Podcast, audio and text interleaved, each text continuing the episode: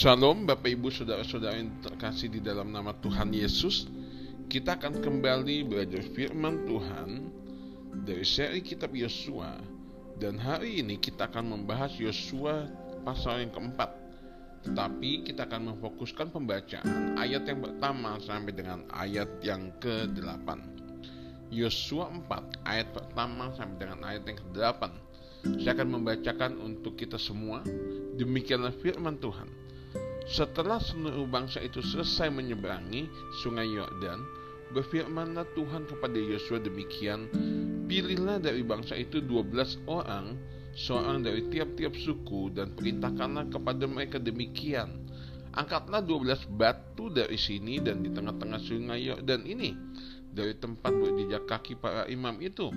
Bawalah semuanya itu ke seberang dan letakkanlah di tempat kamu akan bermalam nanti malam Lalu Yosua memanggil kedua belas orang yang ditetapkan dari orang Israel itu, seorang dari tiap-tiap suku, dan Yosua berkata kepada mereka, Menyeberanglah di depan tabut Tuhan Allahmu ke tengah-tengah sungai Yordan dan angkatlah masing-masing sebuah batu ke atas bahumu.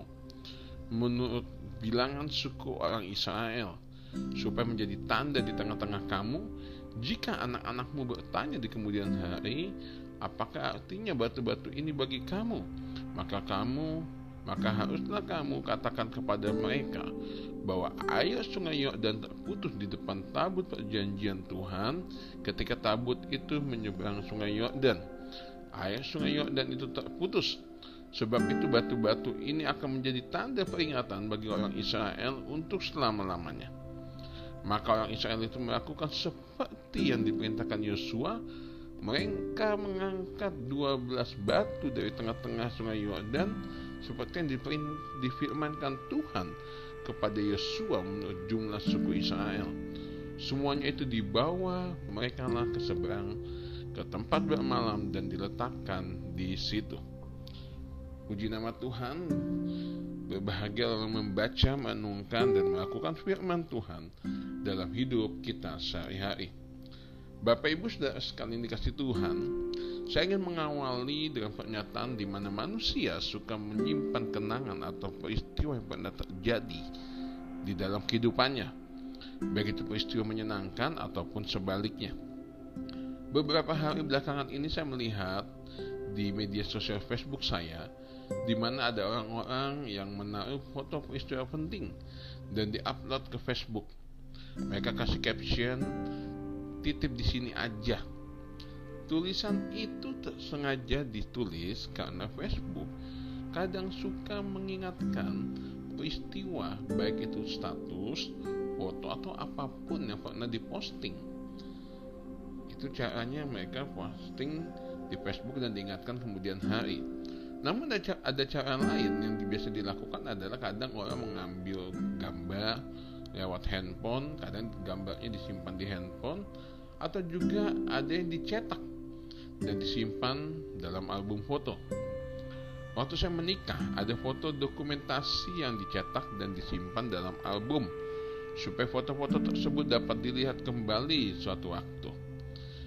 Bapak Ibu Saudara, di dalam Yosua pasal yang keempat yang kita baca tadi, kita melihat ada satu peristiwa di mana bangsa Israel menyeberang sungai Yordan.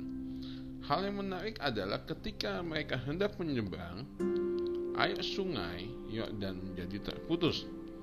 Terputus di sini bisa dipahami kering sehingga bangsa Israel dapat menyeberang. Perlu kita ketahui bersama, Sungai Yordan merupakan sungai yang besar, sangat panjang, dan memiliki aliran air yang deras.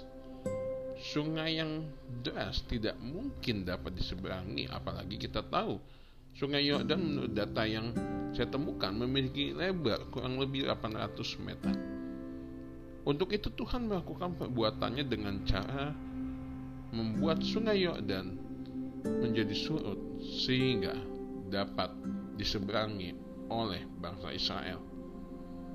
Ketika mereka menyeberang, Yosua meminta setiap suku, setiap orang perwakilan dari suku-suku yang ada mengangkat sebuah batu Tujuan daripada pengumpulan batu tersebut adalah sebagai monumen bagi bangsa Israel bahwa Allah pernah menolong mereka. Batu-batu tersebut menjadi saksi bisu akan penyertaan Allah dalam perjalanan bangsa Israel menuju tanah perjanjian. Pada Yosua pasal yang keempat ini kita mau belajar sebetulnya tentang bagaimana kita mengingat Allah, mengingat semua yang sudah Allah kerjakan di dalam kehidupan kita. Tentunya ada banyak peristiwa-peristiwa penting dalam kehidupan kita dan jika kita mengingatnya kembali dapat membuat kita terkagum-kagum akan perbuatan Allah. Saya melihat pengumpulan batu tersebut ditujukan kepada orang Israel generasi kedua. Tujuannya apa? Supaya mereka tidak seperti generasi pertama. Tidak seperti generasi sebelumnya yang merupakan Allah. Padahal mereka hidup dipenuhi dengan penyertaan Tuhan. Allah tidak mau orang Israel generasi kedua seperti kacang yang lupa kulit yang merasa hebat bisa masuk tanah perjanjian dengan mengesampingkan penyertaan Allah.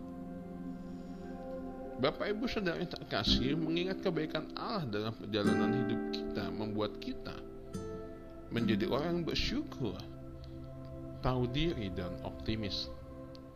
Mengapa demikian? Bersyukur karena kita sadar bahwa semua terjadi karena adanya campur tangan Allah. Tahu diri karena tanpa Allah kita sadar tanpa Allah semuanya akan menjadi hal yang sia-sia Optimis di sini artinya bahwa kita percaya jika Allah sudah menolong saya pada waktu-waktu yang lampau, Allah yang sama juga menolong saya pada waktu selanjutnya. Pengalaman akreditasi program studi S1 Teologi STTIBC pada tahun 2018 merupakan pengalaman yang panjang. Ada banyak pengalaman, ada banyak tahapan yang dilalui Sampai akhirnya STTIBC menunggu kurang lebih 5 sampai 6 bulan dan divisitasi oleh asesor atau pengawas dari ban PT. Pada hari pertama visitasi, kebetulan dimulai malam, saya menulis di media sosial siang harinya.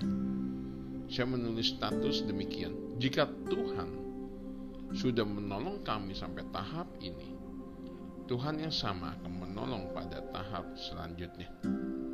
Maksud daripada tulisan tersebut adalah saya percaya bahwa Tuhan akan menolong kami ketika kami divisitasi. Dan kami bersyukur ketika kami divisitasi, Tuhan menolong sehingga visitasi dapat berjalan baik dan STTIBC dinyatakan lulus terakreditasi. Bapak Ibu Saudara sekalian dikasih oleh Tuhan dari Yosua pasal yang keempat pertanyaan yang muncul dalam kehidupan kita semua, pertanyaan refleksi yang bisa kita, muncul kita tanyakan pada diri kita adalah apakah yang sudah Allah kerjakan dalam kehidupan Bapak Ibu Saudara semua? Apakah Bapak Ibu Saudara semua mengucap syukur dengan apa yang sudah Allah kerjakan? Apakah Bapak Ibu terus mengingat kebaikan Allah di dalam kehidupanmu? Ini menjadi pertanyaan bagi kita semua karena Allah ingin kita semua menjadi orang Kristen, orang-orang Kristen yang selalu mengingat Dia di sepanjang perjalanan hidup kita. Allah ingin kita menjadi orang Kristen yang selalu mengenang perbuatan yang ajaib di dalam kehidupan kita. Kiranya firman Tuhan hari ini mengingatkan kita semua untuk senantiasa menjadi orang Kristen yang selalu mengingat Allah di sepanjang episode kehidupannya. Kiranya Tuhan memberkati kita semua. Tuhan menolong kita untuk bertumbuh dalam firman-Nya. Terima kasih. Tuhan Yesus